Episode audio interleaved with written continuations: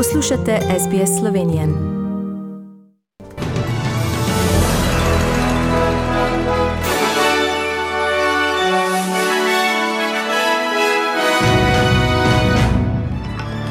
Prebivalci Sidnija naj ostanejo doma. Britanski minister za zdravje obžaluje kršenje ukrepov za zaezitev pandemije. V Evropski uniji cepljenih že skoraj 60 odstotkov odraslih. Predsednik Pahor nagovori državljane ob dnevu državnosti.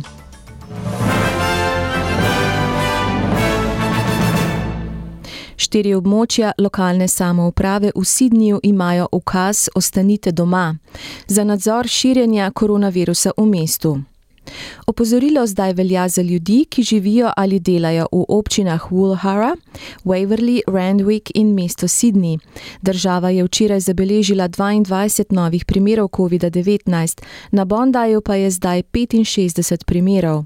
Po 8 uri zvečer je bilo zabeleženih še 17 okužb, ki bodo zabeležene v današnjem seštevku, ki je 29.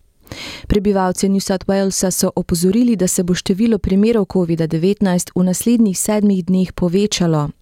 V središču pozornosti pa bo frizerski salon John Bailey v Double Bayu. Državni zdravnik Carrie Chant pravi, da je frizerski salon v zaskrbljujočih dneh obiskalo vsaj 900 strank. V Evropski uniji bo do konca tedna skoraj 60 odstotkov odraslih prejelo vsaj en odmerek cepiva proti COVID-19, polno cepljenih pa bo skoraj 40 odstotkov odraslih, je v Bruslju včeraj dejala predsednica Evropske unije, unije oziroma komisije, se upravičujem, Ursula von der Leyen. Unija se s tem približuje zadanemu cilju, da do konca poletja cepi 70 odstotkov odraslih. Britanski minister za zdravje Matt Hancock se je opravičil, ker je prekršil ukrepe za zaezitev pandemije novega koronavirusa. Ujeli so ga namreč, kako je objemal svojo pomočnico, čeprav je bilo to v času pandemije prepovedano. V napadu z nožem v bavarskem mestu Würzburg so bili včeraj ubiti trije ljudje, še več pa jih je bilo ranjenih, od tega pet huje. Predsednik republike Borod Pahor je na osrednji proslavi ob dnevu državnosti izpostavil pomen skupnih ciljev, sodelovanja in premagovanja razlik za gradnjo boljše skupne prihodnosti. Vsi smo različni, na nek način vsak svoje barve. Katero barvo smemo izločiti iz Maurice, da naj to še vedno ostane Maurica, nobene je povdaril.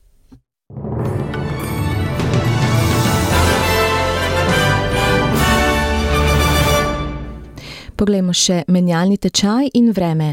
Za en ameriški dolar boste odšteli en avstralski dolar in 32 centov, za en evro pa en avstralski dolar in 57 centov. Poglejmo, kakšno bo jutri vreme po večjih mestih Avstralije. Cairns oblačno 27, Brisbane večinoma sončno 21, Sydney sončno 18, Canberra delno oblačno 13, Melbourne plohe 15, Hobart oblačno 11, Adelaide ploha ali 2 16, Perth plohe in nevihte 18, Darwin sončno 31 stopinj Celzija. Vreme v Sloveniji danes. Na primorskem bo pretežno jasno, drugod bo sprva zmirno do pretežno oblačno, čez dan se bo zjasnilo. Predvsem nad hribovitimi kraji severne in zahodne Slovenije bo možna kakšna ploha ali nevihta. Najvišje dnevne temperature bodo od 24 do 30 stopinj Celzija. To so bile novice medijskih hiš SBS in STA.